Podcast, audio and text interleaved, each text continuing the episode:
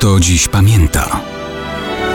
Datownik historyczny prezentuje Maciej Korkuć.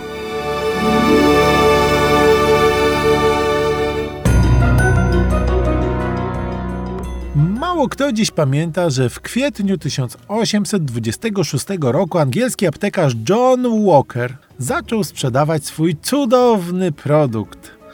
Popularny do dzisiaj i wcale przez konkurencję w różnych kolorach nie zmiażdżony. Johnny Walker, możliwe, że i tak do niego mówiono.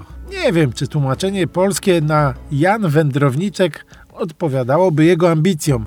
Wszak był poważnym aptekarzem i chemikiem. Swą wiedzę chemiczną zgrabnie wykorzystał, łącząc chloran potasu, siarczek antymonu i krochmal.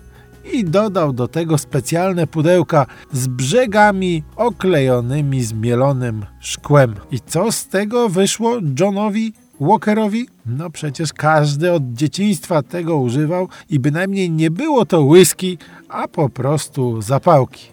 Czy zapałki wynalazł John Walker? No nie. Już w pierwszym tysiącleciu naszej ery w Chinach używano sosnowych patyków z główką oblaną siarką. W Europie coś na kształt zapałek wynalazł Jean-Joseph Chancel, usługując jednemu z paryskich chemików, profesorów uniwersyteckich. Był rok 1805, kiedy pokazał, że drewniane drzazgi odpowiednio przygotowane można zapalić przez zanurzenie w stężonym kwasie siarkowym. Skoro zapałki już w Europie były, to jakie zasługi miał John Walker? To proste, przecież nikt z nas nie zamierza nosić w kieszeni pojemników z kwasem siarkowym. To John Walker ową chemiczną miksturą oblewał małe patyczki i to on tak naprawdę wynalazł zapałki takie, jakie znamy. On zaczął je bowiem sprzedawać w pudełkach. To ważne, bo brzegi pudełek oklejone były papierkiem